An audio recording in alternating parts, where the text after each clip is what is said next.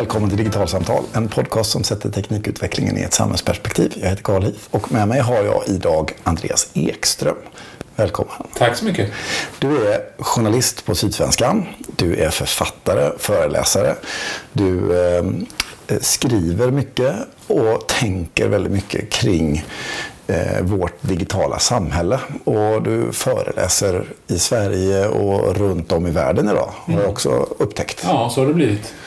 Eh, och ditt föreläsande är väl egentligen mycket eh, där du har liksom format tankar i den senaste tiden, kan man säga det? Så är det absolut. Det, det, det finns ju ett mått av direkt interaktivitet i ett föreläsningsrum, särskilt när man arbetar med mindre grupper.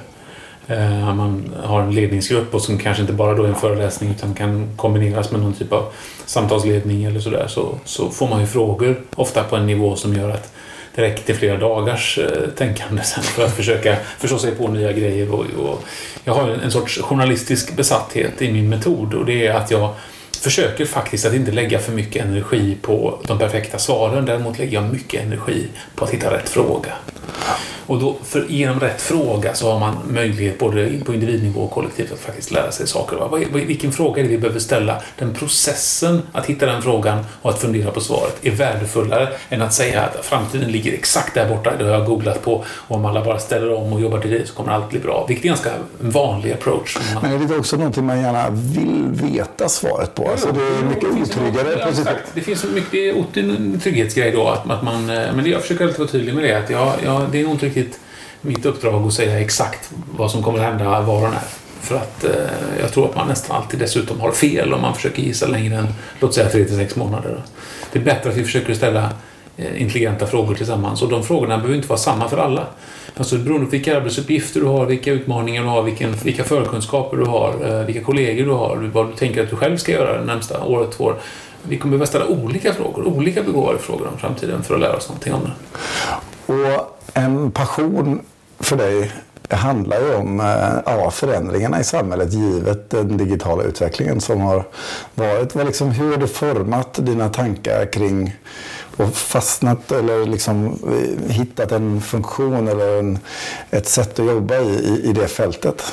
Alltså jag är ju lokalreporter från början på Sydsvenskan och andra tidningar innan dess eh, som sen hamnade i kulturjournalistiken och i kulturjournalistiken så, så var det ganska mycket faktiskt upphovsrättsfrågan som gjorde mig intresserad. Jag insåg på något sätt att ah, okej, okay, det här påverkar kulturskapares situation. Och det var där det började för mig. Och sen då, det var mitt ändå uppvaknande att jag insåg att ah, digitaliseringen kommer att påverka allt på, på ett sätt och med ett djup som, som jag ändå inte fullt ut hade sett. Plötsligt så är det som att man ser ett mönster. Och då, då drog så hela min journalistiska nyfikenhet åt det hållet hela tiden. Och sen har det varit en, en gradvis utveckling då över eh, ja, det är ju snart 15 år nu då får man ju säga att det är som, som de här frågorna då har legat så högt, högt på agendan för mig. Sen eh, tror jag ju att alla journalister, de är, det finns tre kategorier. Antingen är du en patosmänniska, som en arg Janne Josefsson som vill förändra samhället. Eller så är du en estradör som vill gå upp på scenen och då blir du tv-programledare typiskt. Eller så är du en, en folkbildartyp. Och, och jag, jag, är väl lite av alla tre, men, men jag är barn till två lärare. Och jag tror att eh, passionen för min del, energin de där dagarna när det är jobbigt, den kommer av, ur en övertygelse om behovet av eh, en, en bra, bred diskussion för att få till en, en, en fungerande demokratiskt digitalt samhälle, mm. ytterst. Det låter stort, men, men det är nog faktiskt vad det handlar om. Och, och liksom, hur har du liksom, vilken frågeställning är det? Eller liksom vilken, vilken utgångspunkt har du när du tänker på de här frågorna? Varför är det digitala så centralt när det är relaterat till samhället?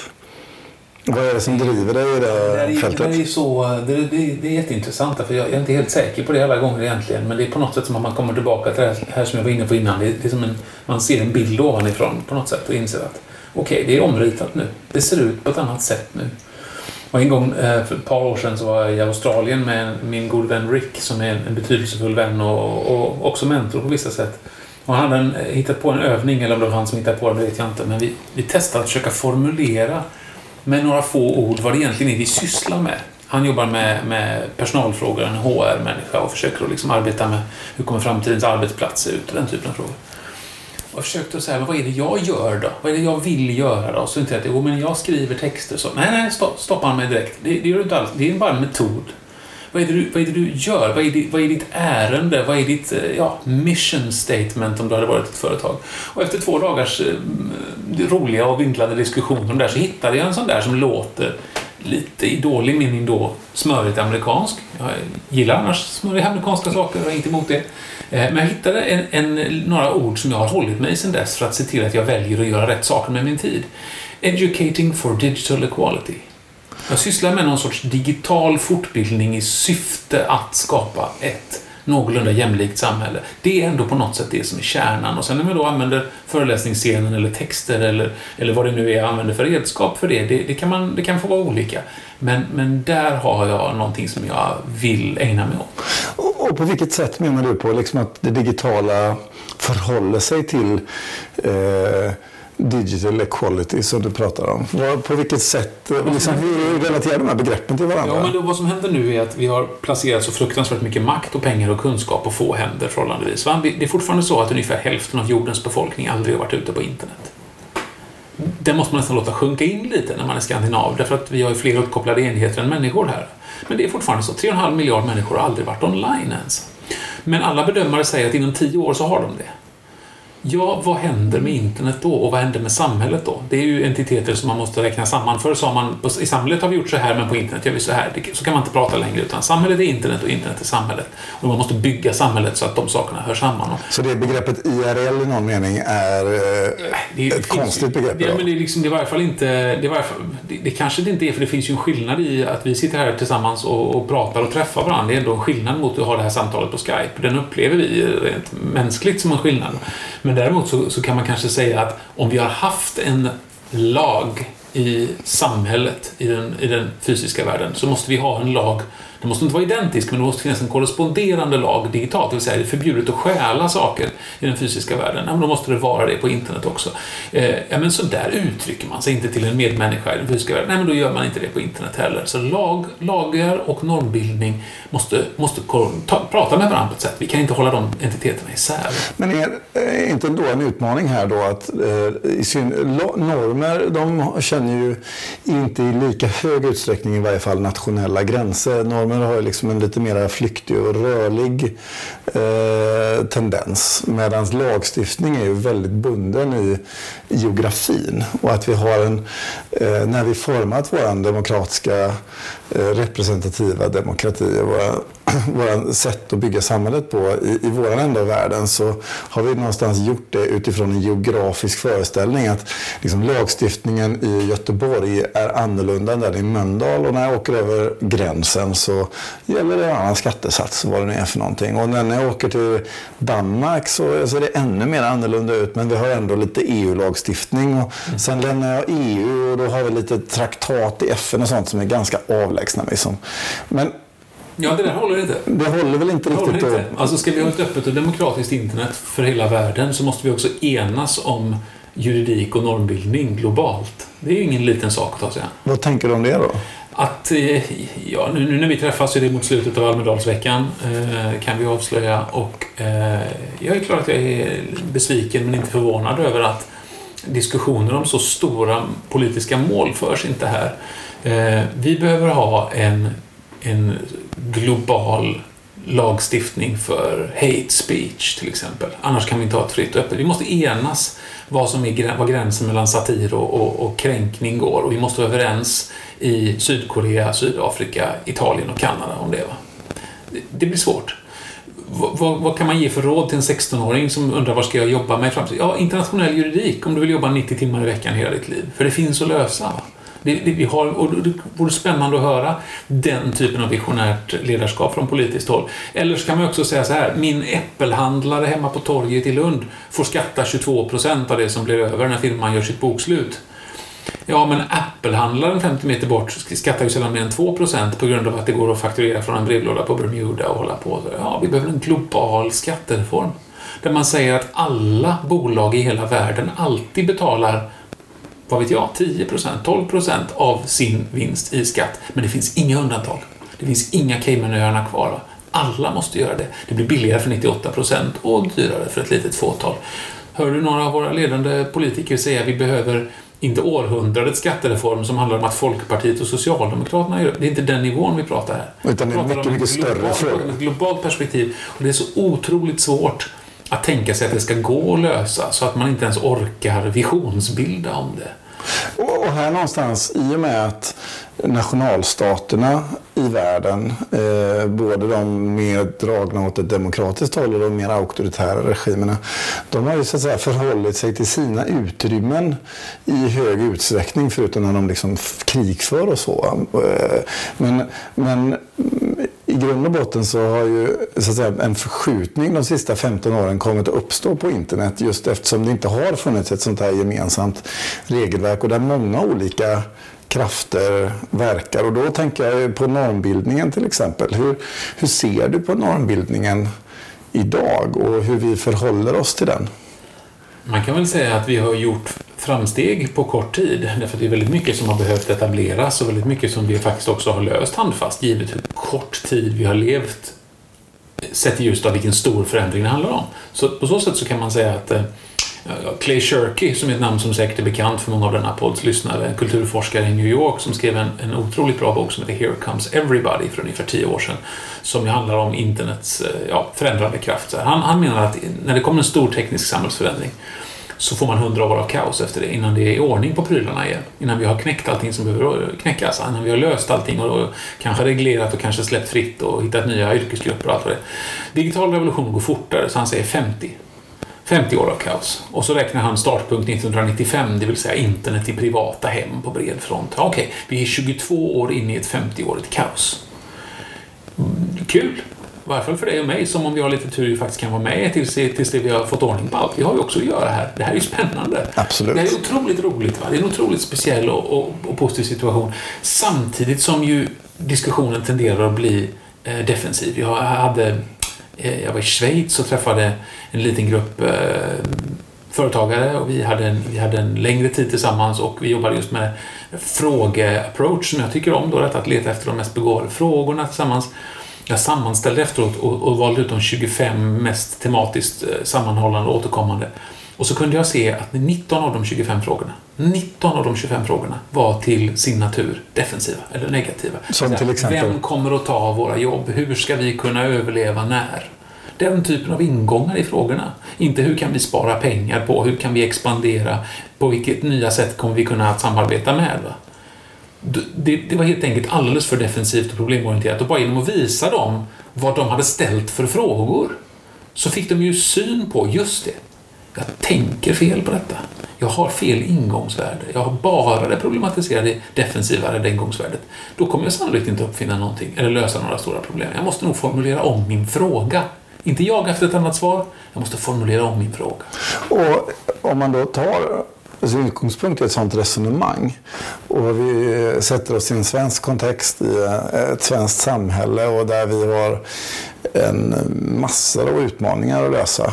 Eh, hur ser du hur de frågorna ställs i vår svenska debatt kring de digitala samhällsfrågorna? Man önskar ju alltid mer, men samtidigt kan man också säga om igen vi ska ta tempen på Almedalsveckan så alltså ordet digitalisering är extremt vanligt här. Det är faktiskt så att på, på den här folkbildande seminarienivån som, som ju är Almedalens kärna så har man pratat otroligt mycket om digitalisering idag. Det är egentligen i det översta ledarskapet som man inte gör det så mycket därför att där pratar man om de här, jag menar ska vi säga eh, emotionellt visionära bilder av vad samhället ska vara och då ryms då ryms inte digitaliseringsfrågorna på samma Hur menar du? Nej, men man pratar ju om vård, skola och omsorg. Man pratar, om, man pratar om att vi måste satsa på barnen, vi måste satsa på de äldre, vi måste bygga ett samhälle där vi känner att och den typen av saker. Och, och då tror man felaktigt att digitalisering är en teknisk fråga. Det är teknik, tekniken är ju bara en liten del av digitaliseringen. Det är, det är allt det som följer den sociokulturella förändringen som är det viktiga. Det andra är bara kablar. Och den förändringen, om man inte då på, i den liksom större politiken pratar om den på det sättet. Vi fick ju en svensk IT-strategi här under våren som vi inte har hört särskilt mycket om i det allmänpolitiska bruset. Den försvann eh, rätt snabbt och det är väl lite signifikativt för det du mm. ger uttryck för nu. Vad, för, vad, vad tror du det liksom för med sig för konsekvenser eller innebörder? Men egentligen är det så att varje avgörande förändring sker ju i, i, i vardagen, i det småttiga. Den av, de stora avgörande förändringarna som driver detta framåt på gott och ont är ju hur vi alla beter oss. För fem år sedan var det väldigt många människor som ytterst ogärna lämnade ut sitt kreditkortsnummer på nätet. Man av bara en känsla av att det kanske inte är riktigt klokt att göra det och vem vet vad man råkar ut för, jag gör inte det. Idag mejlar alla glatt eller på Facebook skickar sitt kreditkortsnummer till ett hotell någonstans för att man ska göra en reservation och tänker inte två gånger på det. Bedrägerier är också hyggligt ovanliga, eller åtminstone så nedtystade av de som förlorar pengar på dem så att vi ska fortsätta att lita på det här systemet, vilket det nu är. Va? Men, men alla gör det. Eh, och, och swishar och, grejer. Och, swishar och så, så kommer det en liten uppfinning här och en liten uppfinning där och någon löser någonting och sen ändras ett helt beteende. Ehm, och det är klart att ehm, det är klart att man kan då tänka sig att, det, det, att man inte kan leda, det, det, det är möjligt, förklar, eller möjligt svar till att man kan inte politiskt leda eh, digitaliseringsförändring som faktiskt eh, slår igenom i samhället på bred front, utan du måste istället vara reaktiv. Du måste konstatera att aha, okej, okay. plötsligt verkar det som att ingen vill slå in långa lösenord längre utan man måste, det måste finnas en uppfinning där man fotograferar lösenordet och så, som Google har i sin senaste eh, telefon. Det vill säga en, en lins som är smart nog att klara av en sån här lång wifi-kod. Ja, men det är ett, ett reellt problem. Då har de löst det för att man ska kunna koppla in sig på kompisens wifi när man är hemma. Men vad kommer det att betyda?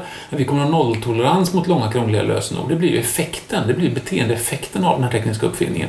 Där ska ju då i så fall det offentliga kliver in och tänker, men vad, vad, betyder det då? Betyder det att ingen någonsin igen kommer vilja att logga in på mina sidor? Ja, det är nog faktiskt precis vad det betyder. Och, och vad ska vi göra om då? Det betyder inte att vi ska eh, be Skatteverket att skicka ut slutskattebeskeden på Snapchat bara för att ungarna hänger där. Det är alldeles fel tänkt.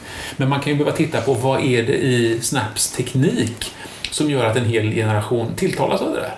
Ja, det kanske är det att det inte lagras. Det kanske är det. Eller så är det det här, det här eh, icke-intuitiva gränssnittet, redskapen som du och jag är för gamla för att riktigt förstå. Ja, det kanske är det. Tänk på det istället för produkten i sig. Se här, ja, men har något beteende förändrats? Är det någonting som tilltalar människor här?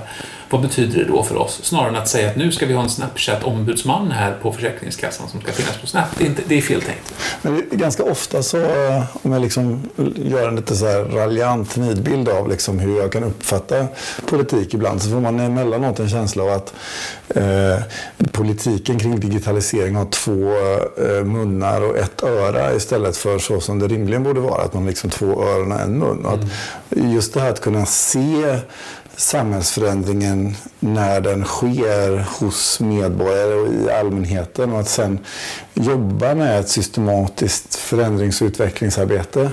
Det är en ganska komplex fråga för en statsapparat att ägna sig åt. Och I vissa myndigheter ska man väl säga och hos vissa kommuner så finns det ju många goda exempel på att man gör detta. Mm. Eh, men det är fortfarande så att det generellt sett tillhör undantagen kan jag uppleva. Mm. Hur, hur, hur, behöver man tänka, tänker du, kring, kring de här frågorna för att göra eh, våran diskussion om samhället och de verktyg vi har kring diskussionen om samhället och hur vi interagerar med samhället i högre grad mera anpassade på det sättet som medborgarna är vana vid utifrån andra digitala sammanhang? Egentligen så tror jag att man ska, ska börja en annan ände. Jag tror att man måste tillämpa en större generositet mot eh, mot de, de få krafterna i politiken som försöker att, att verkligen vara långsiktigt visionära. Jag menar, det, det Centerpartiet gjorde för kanske fem år sedan ett, eh, ett ganska ambitiöst idéarbete utan egentligen skarpa förslag. Men när man diskuterade en lång rad stora samhällsfrågor ehm, och det enda som någon kommer ihåg från det, det är att man lyfter frågan om samlevnadsformer. Alltså skulle det kunna vara så att mer än två personer kan ingå i något som liknar ett äktenskap? Kan man, ja, fem personer kan ju gå in på, ett, på, ett, på en bank och, och bilda bolag ihop och äga 20% var. Det, det, det, har vi löst. Så att säga. Men om man inom privat mening kan man Det var väldigt, väldigt, väldigt försiktigt. Hela som polyamoridiskussionen. Ja, och det var det enda folk ville prata om. Det vill säga, de, de blev liksom hånade med någon sorts nervös, eh, löjligt, raljant tonläge från kollegor till mig som kommenterar politik. Och så glömde man att de också diskuterade energipolitik och tusen andra saker som de ville prata om. Men vad, vad är samhället 2050 eller 2100? Eh, vi kan inte liksom skjuta in oss på en enda detalj som vi finner komisk när någon försöker att storslaget diskutera det framtida samhällsbygget. Det är för dåligt. Och det här att eh, man i så fall behöver tillåta en högre grad av liksom tolerans och frihet i Ja, de man, samtalen. man, kan, man kan ju också säga så här bara liksom som att en gång per år, vi, vi i detta parti, vilket parti det nu är, alla partier för all i världen, så säger man så här, men första veckan i januari varje år så presenterar vi vårt vårt stora visionsprogram som inte kommer innehålla en enda färdig riksdagsmotion utan som handlar om det samhälle som vi vill se om hundra år. Och i år är temat digitalisering, eller i år är temat miljövård, eller i år är temat rättspolitik. Och så har man tänkt riktigt stort. Och så har man talat med forskare. Och så har man gjort undersökningar. Och så har man läst en bok eller två. Och så testar man idéer tillsammans. Och så pratar man om det tillsammans med andra partier. Och så säger man inga av de här besluten är det vår generations politiker som kommer att driva igenom.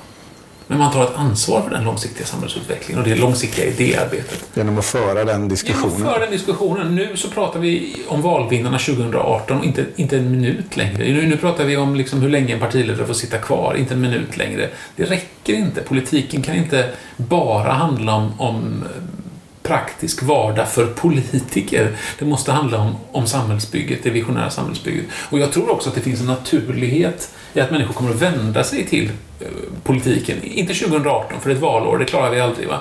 Men, men eftersom vi nu har flyttat över så mycket makt till ett litet fåtal bolag, framförallt i Silicon Valley, så är det naturligt att det uppstår en motvikt till det. Och om den inte ska bli lika tillfällig som Occupy Wall Street eller liksom, liksom tillräckligt lika vänsterflummig som attackrörelsen och så på sin tid, utan, utan ska kunna vara en, en sorts måttfullhetsreaktion där man säger så här, men vänta lite här nu. Ja, jag, jag, vill, jag vill ha Facebook och jag vill använda Google och jag vill gärna använda Apple och jag vill, jag vill allt detta så att säga. Men, men vet ni vad, inte, inte riktigt mot att ni vet precis allt om mig. Jag kanske ändå måste få kräva att jag kan få betala 99 kronor i månaden för en Gmail som inte sparar mina mejl och inte annonserar i den. Jag kanske ändå måste få kräva det. Och det kanske ändå är så att jag måste börja bete mig annorlunda som konsument så att marknaden skapar det behovet och sådär. Och, och när det uppstår en sån motkraft, eller en högre konsumentmedvetenhet, vilket är då det naturliga sättet att organisera sig? Jo, genom politik. Och då handlar det om att, att inte få, ja, men att återta politiken till folket, om man kan säga så utan att låta för flummigt gräsrotig. Men det är ändå på något sätt det som måste till. Det finns ett antal formella vägar att påverka samhället. Man kan engagera sig i föreningsliv och i politiskt liv. Man kan ställa sig på valbar plats och man kan långsamt, långsamt putta samhället i rätt riktning. Jag har ganska stort hopp om att politiken kommer återta en central roll i samhället eftersom vi har lämnat över till näringslivet att lösa ett antal problem som politiken tröttnade på eller tappade förmågan att lösa. Nu, det är en pendelrörelse, den är naturlig och jag tror att det är dags för pendeln att svänga tillbaka lite grann. Eh, vi borde se till att driva upp valdeltagandet på alla de sätt som vi kan. I Sverige är det ju väldigt högt. Det är inte så i hela världen. Eh, var väldigt, väldigt noga med demokratibevarande åtgärder på olika sätt. Man, man ser det man ritar om valkretsar i USA just nu. Eller det är framförallt Republikanska partiet som gör det för att valkretsarnas sammansättning ska bli så att de vinner fler valkretsar. Det är ett, ett grundskott verkligen mot demokratin. Mot, inte bara mot demokratins form utan dess idé. Sånt måste man markera mot oerhört hårt för att, för att det ska finnas en, en naturlig motkraft mot den, den stora maktansamling som finns i Silicon Valley. Och det är inte bara någonting man säger sådär slängigt, det är ju sant. Va? Alltså, det, det är ändå så här att de fem största företagen i världen mätt i börsvärde, det är Google, Facebook, Apple, Microsoft och Amazon. Och de här bolagen, eh, om jag och Anders Thoresson, som ju är den andra halvan av den här podden, vi hade ett avsnitt där vi försökte fundera över om jag var tvungen att göra mig av med någon av de här fem bolagen, relation till någon av de här fem bolagen. Vilket skulle jag liksom göra av mig först? Mm, Eh. I ditt fall skulle det vara Microsoft. Ja, lätt. Det är lätt. Jag behöver, jag behöver bara ett annat ordbehandlingsprogram, ett annat kalkylblad. Liksom. Annars behöver jag ingenting. Och sen? Alltså, behöver, I dagsläget behöver jag inte Amazon heller. Eh, det vill säga jag köper väldigt sällan saker på Amazon. Jag har andra kanaler för att, för att få loss. Det kan vara någon amerikansk bok ibland, men, men annars så, så handlar jag inte där än. Men det är ju för att de inte ännu har tagit Sverige och kommit in här och, och gått med förlust i åtta år för att dumpa marknaden och knäcka alla andra, vilket de ju har kassa att göra om de vill. Och, och, och, men någonstans så är vi ju... Eh, ja, våra relationer, de ser olika ut i relation till de här bolagen men, men eh, av de vi använder så det är fåtal människor som inte rörs av någon av de här. Ja, det finns nästan inte. Och, och, du är inne på att de har ett, utövar ett stort inflytande. På vilket sätt ser du att de här digitala bolagens inflytande över oss liksom står i relation till, till liksom en nationalstat till exempel? Finns det några Det var ett fantastiskt exempel här nu i våras när, när Trump så berättade att jag ska inte, USA ska dra sig ur Parisavtalet och då kommer det så här Kalifornien, Apple och Google lovar att stanna kvar i, i Parisavtalet. Jaha, okej, okay, de är nationalstater nu tydligen. Och det är ju rätt. Ja, men det, de, de här, det är ju större än många länders ekonomier. Eh, Apple och Google, det är mycket mer pengar och mycket mer inflytande och det finns inget sätt i världen du kan påstå att att det, att det har samma betydelse för världen som ett land. Facebook har nyligen passerat två miljarder användare. Det är just långt större än alla nationer i världen och det är väl på god väg att vara i samma storlek som kristendomen ungefär med ett antal användare, följare eller vad vi vill kalla det. Men hur, hur utövas inflytandet i relation till det? Om jag tänker mig, liksom jag, jag bor och lever i Sverige primärt. Jag röstar i svenska val och jag har en liksom relation till dem. Men, men du menar alltså att de här bolagen ändå liksom har en, en, en grundläggande stor påverkansyta mm. i relation till mig i min vardag som liknar en nationalstat? Ja, det, det, har de. Men det, egentligen så är det så att de har två... Det, det slår igenom mest på två sätt. Va? För det första så är det så att de har ju ackumulerat sådana fruktansvärda mängder pengar så att det enda de kan göra för pengarna på ett vettigt vis är att köpa upp andra bolag. Vilket betyder att ingenting riktigt växer på internet idag utan att på något sätt stå i relation till de här bolagen. Därför att men vad gjorde Facebook när de märkte att folk inte la ut bilder på Facebook i samma utsträckning? Ja, de kollade var ligger bilderna? De ligger på Instagram. Ja, då köper vi det.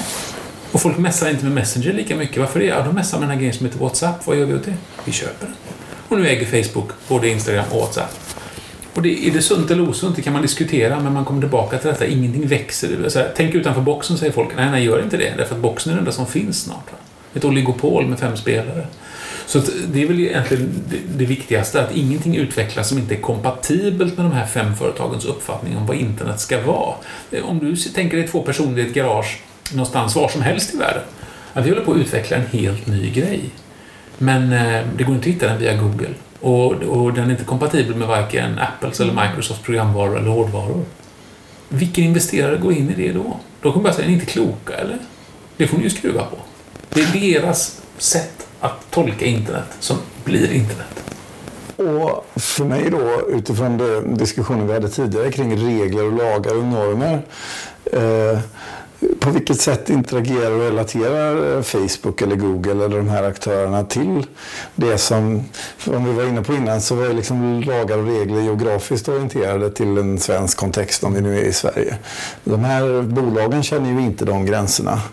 Eh, är det så att man kan mena på att lagar och regler och normer som relaterar till de här bolagen också kommer att färga av sig på min uppfattning och hur jag beter mig. Det är ytterst troligt därför att så, så fungerar ju kultur. Så fungerar ju helt enkelt kultur. Det vill säga, ser, ser alla människor i världen samma eh, film och läser samma bok så, så får det en påverkan hur vi, hur vi, vilken förförståelse vi har när vi stöter på ett fenomen.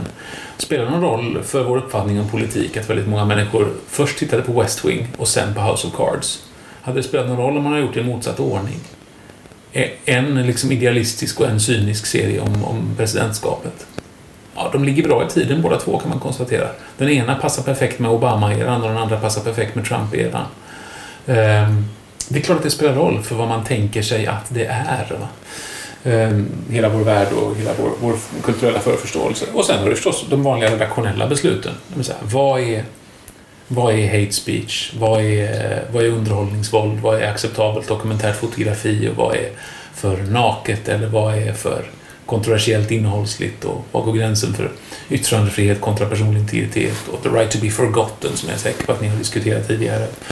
Och lägger du dessutom till det hela den fortfarande, skulle jag säga, trots ändå stigande medvetenhet, otroligt allvarliga och förbisedda frågan om nätneutralitet som många inte ens alls vet vad det är för någonting, men som är helt avgörande för en, liksom, vår möjlighet till demokratisk upplevelse av internet.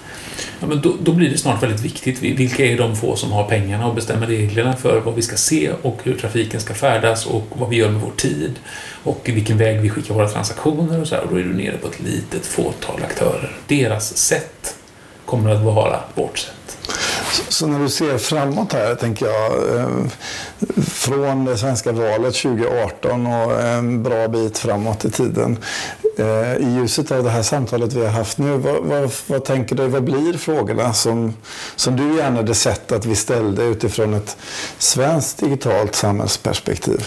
Vad, vad borde vi ställa oss för frågor för att möta möta den här eh, utvecklingen. Hur kan vi göra alla medborgare delaktiga i samhället? Det är den stora frågan. Därför att utan att man har delaktighet på alla nivåer, då är, då är digitalitet bara en av flera, så faller samhället samman förr eller senare. Då, då faller skattemoralen, då faller viljan att hjälpa sin nästa. Det finns ett citat som jag ofta hänvisar till.